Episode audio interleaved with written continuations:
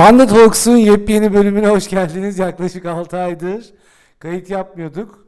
Göksel bugün çok heyecanlı, şıkır şıkır giyindi. Karşınıza çıktı. Ee, uzun zamandır giymediğin kıyafetleri giydiğini görüyorum Göksel bugün. 6 aylık aradan sonra bir heyecan var gibi üzerinde. Ya harika bir girişti bu arada. Bizi çok up yaptın. Bu up'ta da kaldım. İnemiyorum şu an. Evet. Buyurun.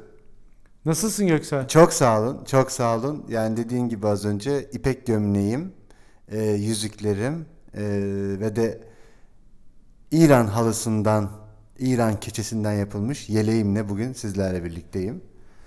İran keçesi biliyorsun kıymetli bir keçe. İran'ın her şeyi kıymetli diye düşünüyorum. Neden? Bilmiyorum İran medeniyeti çok kadim, çok eski, e, birçok öğretiyle çevrili. Onun için öyle hissediyorum. Dolayısıyla- İran, İran'ı severim. Dolayısıyla tekstilde de bir numaralar diyor. Tekstilde olsun, pamuk işinde. Ama hep aldığımız gömle- gömleklerde nedense Pakistan, Türkiye gibi şeyler var. Baskı mı var? Ee, oralarda yapılıyor, yapıldığına dair kanıtlar var gömleklerin enselerinde yer alan etiketlerde. Etiketlerce. Göksel, e, bugünkü konumuz ne? Ya bugünkü konumuz ben şunu söylüyorum sana. Sen kendini böyle haberin olmadan e, sırtınla e, kalçaların arası bir bölgenden ellenmiş gibi hissetmiyor musun? Neden? Ya böyle öyle bir tedirgin bir hava varmış gibi. Üstümde mi? Üstümde. Benim üstümde öyle bir hava var. Sanki bir el benim belimde. Ama bunun sebebini açıklaman lazım. Bilmiyorum işte neden bu havalardayım diyorum yani. Bu neden bir el benim belimde gibi takılıyorum. Ya ürperiyorum galiba. İnsan neden ürperir? Sen çok Freud okudun. Yani e, ürpermek çeşitli olur. Psikolojik olarak olabilir. Havadan kaynaklı olabilir. Ortam zaten psikoloji olarak ortamda seni ürpertebilir. Şu an neden ürperdin? Yani e, hava değil, ortam değil. Demek ki tamamen şey olarak, e, psikolojik olarak bir genel içinde bulunduğum durumdan dolayı ürperiyorum. Peki e, psikolojik olarak ürperenlere tavsiyeleri nelerdir? Ee, ürpermelerin sebeplerini araştırsınlar. Bu sebeplere göre e, ne yapacaklarını söyleyecek bir takım psikologlar bulmaları gerekiyor. Sanki bir şey yaparken, bir konuşurken bir şeyle ilgileniyor gibisiniz Emrah Bey. Seninle ilgileniyorum. Ya o zaman bana seninle başım dertte ne yapsam bilmiyorum adlı Selam Şahin şarkısını gönder. Ya Selam Şahin o şarkıyı yaparken bence şunu çok doğru söylemiş. Senin seninle başım dertte ne yapsam bilemiyorum. Bunun üstüne ben hani mesela bir rakı masasında olsak ya da teselliye gelse buraya ben ona söyleyecek başka bir şey bulamam ki. Ne söyleyeyim? Canımdan bir İşte birisiyle Oo. başım dertte de ne yapsam bilmiyorum dedikten sonra ben ne yapacağını ben söyleyemem ki ona. Canımdan bir parçası. Yani bir yardım çağrısı gibi değil. söküp Durum. atamıyor. Yani durumu özetleyen bir konu. Dolayısıyla kendisini tebrik Senin- ediyorum. Buradan kendisine sevgilerimizi gönderiyorum. Yani Selam Şahin ortamların ve durumların şarkıcısı mıdır? Ben Selam Şahin'i çok beğenirim. Çok severim. Hem sesini beğenirim. Hem şarkılarını beğenirim. Peki e, bu kadar çok Selami Şahin fanısın madem Clubhouse'da bir gün Selami Şahin sevenler diye bir oda açtın mı? Açmadım zaten Clubhouse'daki mevcudiyetimiz yaklaşık iki ay sonra bitti. Peki ben şöyle bir iddiada bulunmak istiyorum. E, Clubhouse'u biz bitirdik gibi hissediyorum Emrah. Ne hissediyorsun sen bu konuda? Ee, yani tabii önce Apple'a geldi. iOS'a geldi. Sonra Android'e geldi. Android'e daha çok yeni geldi Android yeni geldi. Apple'cılar olarak hemen atladık üstüne. Biz yedik Konuşacak bence. çok şeyimiz varmış gibi hissettiğimiz ama konuşacak hiçbir şeyimizin olmadığını öğrendiğimiz bir platform olarak tanımlıyorum ben Clubhouse'u. Metin yazarlarının özellikle komedi yazarlarının değerinin anlaşıldığı bir platform olduğunu düşünüyorum ben. Bence de. Çünkü kolay değil böyle sürekli aç bir oda. En son zaten e, şuna dönmedi mi? Hı. Konuşma yok sadece follow. Adam bir tane oradan bir şarkı açmış. O şarkı orada dönüyor. İçeri girenlere içeri girenler birbirlerini Friday follow yapıyorlar. Ee, sonra Instagram'da follow yapıyorlar. Sonra bir fotoğraflarını paylaşıyorlar. Ee, ve sürekli Instagram'da interaction oluşturduklarını söylüyorlar. Peki ben şunu söylüyorum. Neden Instagram'da interaction oluşturuyorsunuz?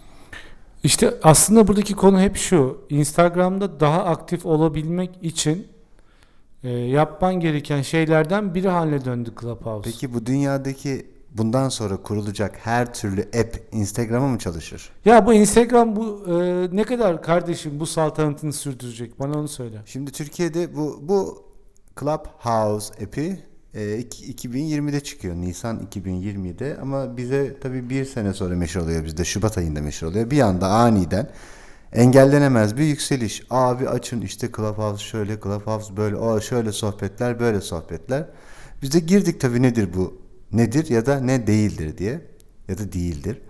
Ee, baktık ki orada odalar açılıyor. İlk önce birkaç kişinin odasında kalıp sohbetleri dinledik. Aptalca bulduk. Zaman zaman faydalı da bulduk. Ama sonra kendi odalarımızı açtık. Neydi odalarımızdan bazılarının adı? Sesle fal bakıyoruz. Du ki o sonra aldı yürüdü gitti. Başka insanlar da onunla bir şeyler o başlıkla bir şeyler yapmaya başladı. İşte profil fotoğrafına göre seni yorumluyoruz. Ee, burcunu söyle sana kim olduğunu hatırlatalım gibi ee, başlıklarla odalar açtık. Biz de bu odaları haftanın bir günü değerlendirdik. Çok da insan geldi gitti. Bir podcast orada da denedik bu arada. Ama ya bizim de içimize sinmeyen bir durum vardı. Neden? Neydi sence o? Abi bizim içimize sinmeyen durum orada e, aslında içimize sinmeyen durum diye değil de şöyle e, biz önce bunu anlamaya çalıştık. Ben böyle evre evre görüyorum. Önce anlamaya çalıştık. Daha sonra e, anlamadıktan sonra anladığımızı düşündükten sonra e, bir başlık oluşturmamız gerektiğini zannettik. Bu başlık etrafında da e, bir takım konuşmalar, sohbetler gerçekleştirmeye çalıştık. İşte moderatörler oluştu. Ee, bu moderatörlerin kendi arasında bir birliği oluştu. Ve dinleyici kitlesi oluşacağını zannettiğimiz bir takım odalar yapıldı. Aslında burada bence konu şu. Ünlülük mevzusu yani herkesin ünlü olma isteği Clubhouse'da Burada da çalıştık. gerçekleşecek zannedildi. Hayır çalışmadı aslında. Yani kısa bir süre e, tanınmış olabilirsin.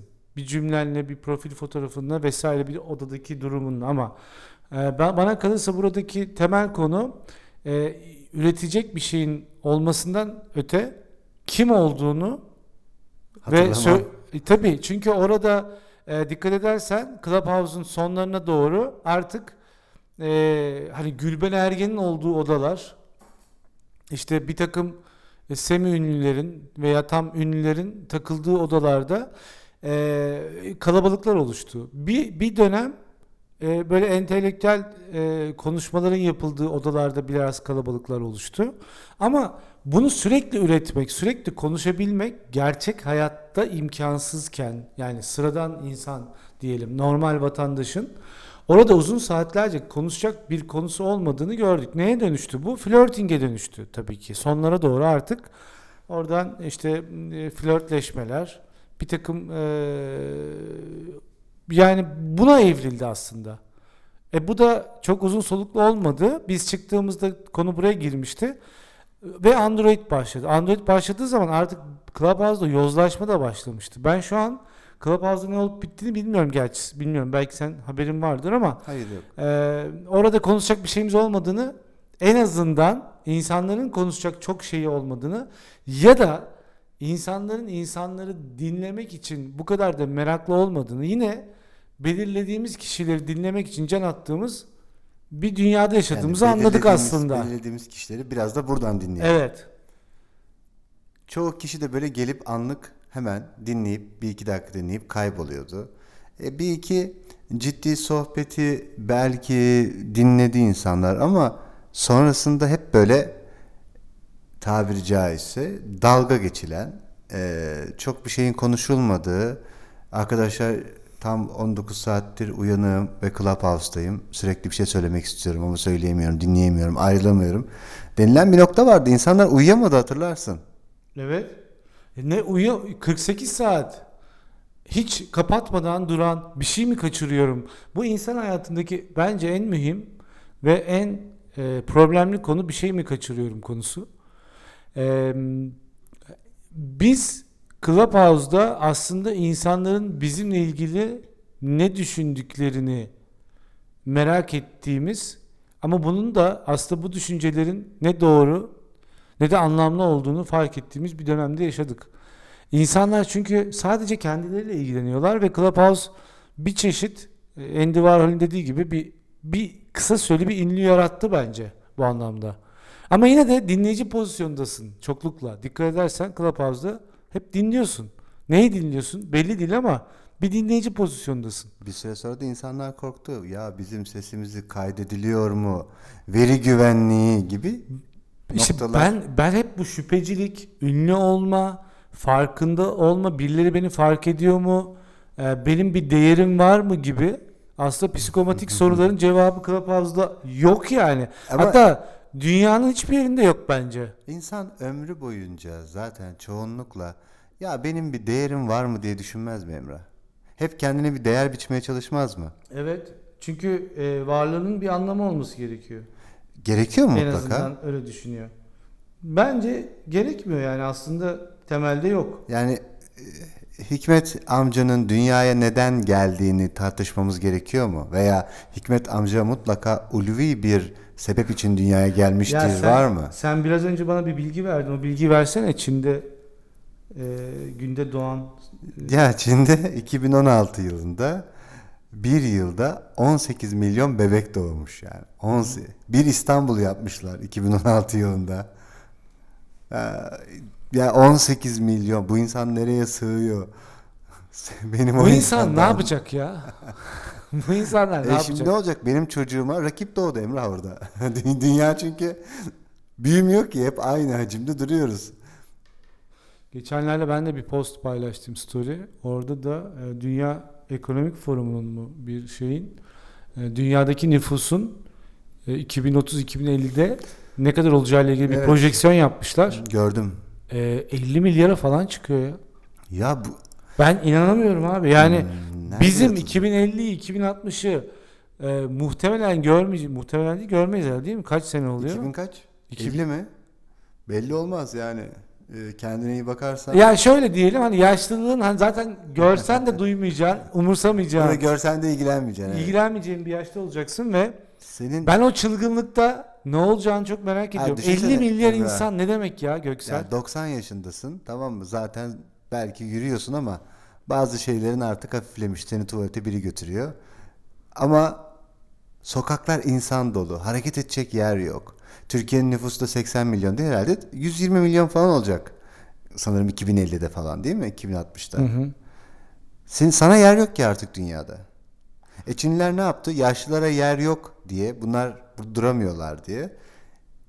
Emekli olduktan sonra tekrar üniversitelerde e, eğitim almaya başladılar. İkinci hayat, ikinci üniversite diye. Tekrar emekli olduktan sonra tekrar bir çalışma hayatı başladı.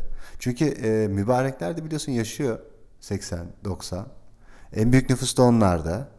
Şimdi bir de şey olmuş. e, bu arada 2016 idi o 18 milyon çocuk doğan rakam.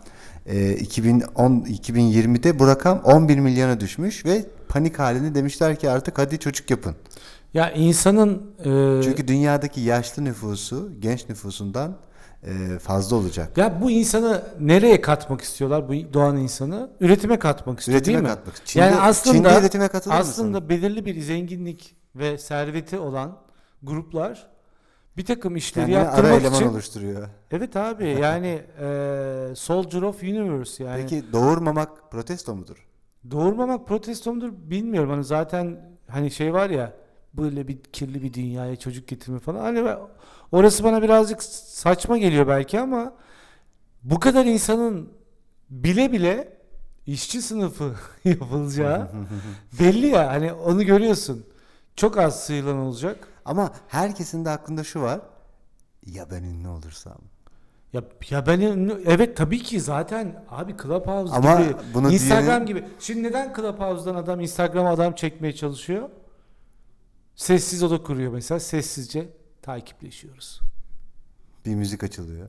falan. Yani e, burada tabii ki senin ünlü olma isteğini önüne geçemiyorsun. Çünkü fark edilmek istiyorsun. Ne yaparsa yap fark edilmek istiyorsun. En ufak yaptığın iyi bir şey fark edilsin istiyorsun. Bununla ilgili Zaten hani bu programların, bu app'lerin emotion'ları var diye değil. Bu adamlar bunu biliyorlar. Yani biz çiftleşmek istiyoruz, biz fark edilmek istiyoruz, biz takdir görmek istiyoruz. Dolayısıyla bunu sana kim yakınlaştı? Niye Tinder var? Neden vatandaş oraya Yakınlaş girip diye. çiftleşmeye çalışıyor? Yakınlaş. Şimdi mesela onunla ilgili bir belgesel de var. İşte yeni dünyada bilmem ne. Yok ilgisi yok ki. Ee, evet bedensel bir özgürlüğümüz var artık. Yani bedenlerimiz e, e, barıştık, özgürüz artık. Onu kullanmayla ilgili çok bir problemimiz yok. Ama Ne gibi bir özgürlükten bahsediyorsun? yani mesela e, seks özgürlüğü diyelim. Yani kimle ne yapacağımı, tabularımla ilgili daha özgürüm. Dolayısıyla ben bedenim bana ait ve e, istediğim gibi kullanabiliyorum. Önceden böyle değildi yani geçmiş yüzyıllarda hani bir takım tabular üretildi, bir takım ahlaki formlar vesaire. Ama şimdi bedenini daha özgür kullanabildiğin için daha fazla çiftleşiyorsun. Ama buradaki konu şu. Daha fazla çiftleşme isteği bile bunu nasıl elde edeceğinle ilgili sorunun çözmüyor. Sorunu app çözüyor. Yani app diyor ki sana sen çiftleşmek istiyor musun? Evet. Daha özgür müsün? Evet.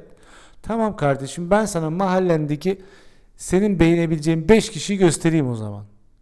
Eğer 20 lira verirsen mahallendeki 15 kişiyi hem de verified account'lı 15 kişiyi ben sana göstereyim. Yani Verified account ne demek? Fotoğraflar doğrudur. doğrudur. Bu vatandaş daha önce çiftleştirdik bunu. Biz bu Ee, arkadaşı tanıyoruz. Tanıyoruz. Akmaz kokmaz. Hani Ahmet değil Mehmet gelmeyecek. Tanıdığımız bildiğimiz bir. Evet. Şimdi dolayısıyla biz aslında insanlar hepimiz e, yakınlaşmak istiyoruz ve bunun için de bir sebep e, ihtiyacımız var. Bu Ya sebep peki Emrah app'ler seks için mi kuruluyor yoksa otomatik bir süre sonra e, seks için kurulmuş gibi mi oluyorlar? Şimdi- Çünkü Clubhouse'un kurulma sebebi de Nisan 2020'de böyle toplumsal olaylar gerçekleştiğinde bizim buradan konuşacak bir kanalımız olsun. Bir, birbirimizle iletişim halinde olalım. Temel. Clubhouse'un belki e, Ama Instagram'da bitirdiysen- fotoğraftı bu arada. Instagram'da ilk başladığın Hı hı. fotoğraftı. Fotoğraf koyuyordun. Ondan aa, like alındığını bile çok sonra burada en dürüst aplikasyonu açan birkaç tane app'çi var. Bir Facebook. Ne diyor? O baştan beri ben sizin bütün datalarınızı alacağım. Hayır ben kız arkadaşımı stalklayacağım. Onun nasıl bir kadın olduğunu herkese göstereceğim falan hani bıdı bıdı. Yani orada social networking. Yani çok dürüst. Adamın sloganı çok dürüst. Peki Tinder ne diyor veya Tinder? Diyor ki seni çiftleştiririm. Değil mi? Evet. Tinder- Clubhouse diyor ki ben social response ederim diyor. Aslında öyle değilsin. Daha doğrusu insanlar seni o amaçla kullanmıyorlar. Çünkü insanlar toplumsal olaylara karşı o kadar da e, ilgili değillerdir. İnsanların toplumsal olaylarla ilgili konuşacak 10 dakikası varsa ilişkilerle konuşacak 10 saati var. İhtiyacı olan şey görülmek olduğunu düşünürsek bir insanın ihtiyacı olan şey görülmek ya da Agi Haydın'ın e, söylediği gibi bir başkasının arzusunu arzulayan bir canlıysan burada aslında konu kapanıyor. Dolayısıyla bence Face Instagram'da işte fotoğraf paylaşırsın, yeme içme fotoğrafı paylaşırsın. E, e burada emotional touch nerede? Yani ben kendimi nasıl iyi hissedeceğim? Ha, o zaman Takipçi olarak mı, o zaman olarak mı? selfie ortaya çıkıyor. Hmm. Şimdi burayı burayı buradaki peti iyi anlamak lazım. Biz temelde istediğimiz şey görülmek, sevilmek ve arzulanmak. Bunu biliyoruz. Bundan kaçamaz. Toplumsal olaylar, e, global warming, e, sustainability vesaire gibi şu an popüler olan ya da LGBT plus işte e, e, siyah hayat önemlidir gibi hareketler, Me Too hareketi vesaire. Bunların hepsi çok önemli olmasına rağmen feminizmin post feminizm e, şu anda çok tartışılan e, aynı zamanda da nereye oturtacağımızı bilemediğimiz bir feminizm akımı var. Şimdi bu ya bunların hepsini toparladığın zaman şunu göreceksin. Bunlarla kim hemhal olmuşsa da günün sonunda görülmek istiyorsun. Dolayısıyla da bireyselleşiyorsun. Bireyselleşince ortaya e, sen çıkıyorsun. Şimdi neden bu kadar selfie var? Yani selfie bir icat değildir ki. Biz zaten fotoğraf çekilen bir cins, bir ırktık değil mi?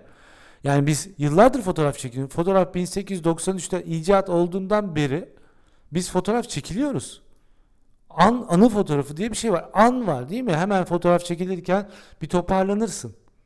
Aman şunu da bir çek kalsın. Aman şunu da bir çek. Hani beni bir tek çek vesaire gibi. Hani klişe ama işte lügatımıza girmiş bir takım terminolojiler bunun sebebiyle var. Selfie ne sağlıyor bize? Selfie tamamen beni anla gör ben buradayımı sağlıyor. Bunu hepimiz yapıyoruz. Ben de yapıyorum.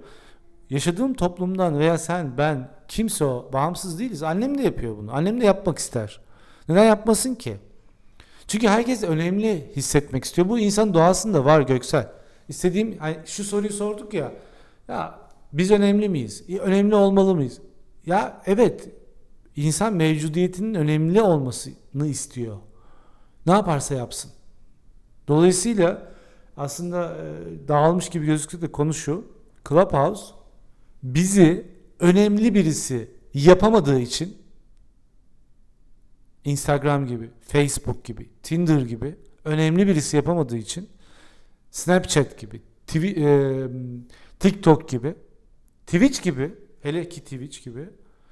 Çünkü Twitch'te de sen oyun oynarken insanlar seni sevdi değil mi? Evet. Bir ünlüsün yani aslında. Evet. Bu oyunu öyle geçiyorum, böyle geçiyorum. Bakın babalar böyle yapılır. Bu, bu şöyle yapılır diyorsun. Veya Snapchat'te en iyi videoyu çekiyorsun. En seksi videoyu çekiyorsun. Ve e, TikTok'ta en absürt videoyu çekerek meşhur oluyorsun. Değil mi? Ne oldu? Kurumlar önce TikTok'a girmeye çalıştılar. Ondan sonra Clubhouse'a girmeye çalıştılar. Clubhouse'da e, social bir network yaratmaya çalıştılar ama neden olmadı? Çünkü oradaki fırsatçılık temelde görüldü. İkincisi de vatandaşın ihtiyacı olan şey e, marketing safsatası olmadığını gördük. Vatandaşın ihtiyacı olan şey temelde kendisinin görülmesi olduğunu biliyoruz. Burada dolayısıyla Clubhouse bence fail bir app bu anlamda. Yani benim sesim diye bir şeyin olmadığını ben anladım. Yani şahsım adına da anladım bu arada. Yani uzun uzun konuşacak bir şeyim de yok. Eğer birisiyle gülmüyorsam e, ve bu benim eski bir arkadaşım değilse hani Clubhouse'da ne oldu? E, Clubhouse'un çıkışı, gelişmesi biz Türkiye için söylüyor. Yani dünyanın da böyle ama Covid'in bizi evlere kapatması ve yapacak çok şeyimizin olmadığını hatta hiçbir şey yapmadığımızı fark etmemiz Clubhouse'un birilerinin dinleyip birileriyle arkadaş olup mümkünse birileriyle sevgili olabilir miyiz? Birileriyle duygusal bir bağ kurabilir miyiz'i cevabı olduğunu düşündük. Zaten Kapanmadı. çiftleşenler zaten çiftleşenler de odalardan ayrıldılar. Saatlerce Nietzsche ne demişti, Nietzsche neyi kastetti falan diye kimse dinlemez. Bu büyük bir yalan. En çok dinlenen odalar psikolojik odalar. Neden? Çünkü ben var içinde. Değil mi?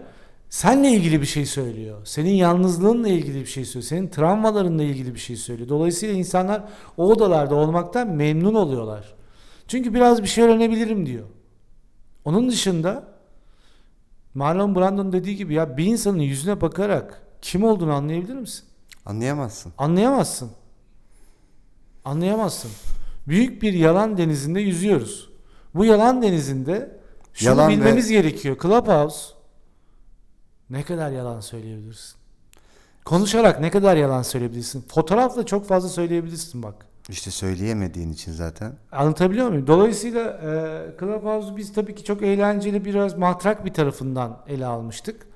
İşte sesinizden fal bakıyoruz gibi absürt, mizahi aslında eğlenmek için kafamız dağılsın diye birkaç gün böyle odalar açtık. E, daha sonra da ben e, ciddili kategorisindeki odalara da girip çıktım. Sen de girip çıktın.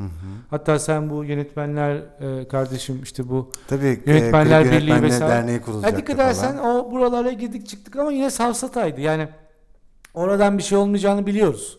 Hani sosyal toplanma ve grev veya vesaire e, bir birlik oluşturma. Ben Bu şekilde olamaz. şey hiç inanmıyorum ya. Ben birlik olmaya bir konu hakkında bir araya gelip hareket etmeye denen şeye ben asla inanmıyorum ki bunu bir app üzerinden herkesin kendini kanıtlamaya çalıştığı, bir şeyler söylemek istediği bir app'te. O zaman da söylemiştim. Klip Yönetmenleri Derneği toplantısı diyorum. Dernek toplantısı bir.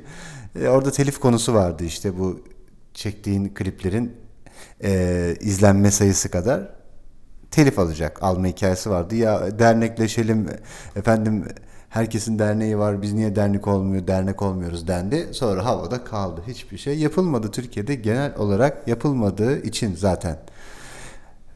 Ya bizde sevgi ve nefret çok hızlı değil mi?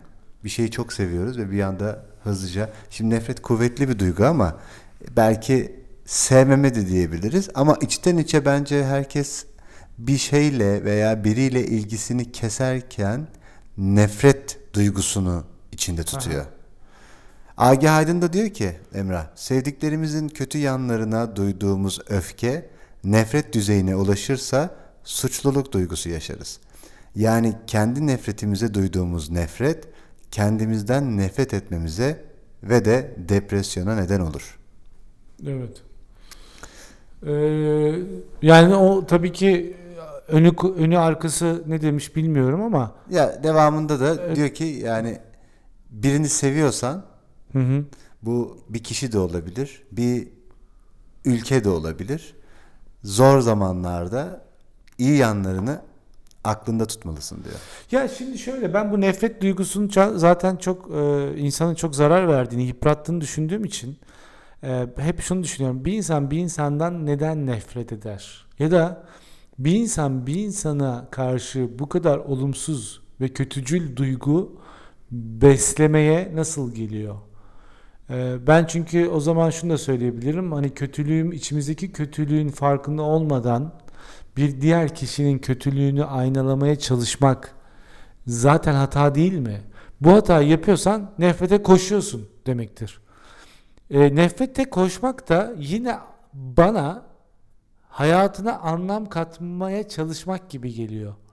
Bir birine nefrete koşuyorsan yine önemli birisi olduğunu, bir duygu etrafında kendini yine çevrelediğini yani kendine olumlu bir duygu, etrafında kendinle ilgili daha doğru bir pozisyon aldığını zannettiğin bir duygu etrafında kendini çevredil, çevrelediğini anlıyorum. O kişinin senden daha değersiz olduğunu düşünüyorsun. Düşünüyorsun ve senin değerinin de burada görülmediğini ve dolayısıyla bu görmeyen kişinin hatalar içerisinde kıvrandığını ve e, katman katmanda nefrete doğru da o kişiyi konumlandırdığını anlıyorum. Dolayısıyla orada ben nefret duygusundan öte insanın kendi kötülüğüyle ilgili e, bilgisinin olmaması ya da içine bakıp da kardeşim benim ne kadar iyiliğim varsa o kadar da kötülüğüm var.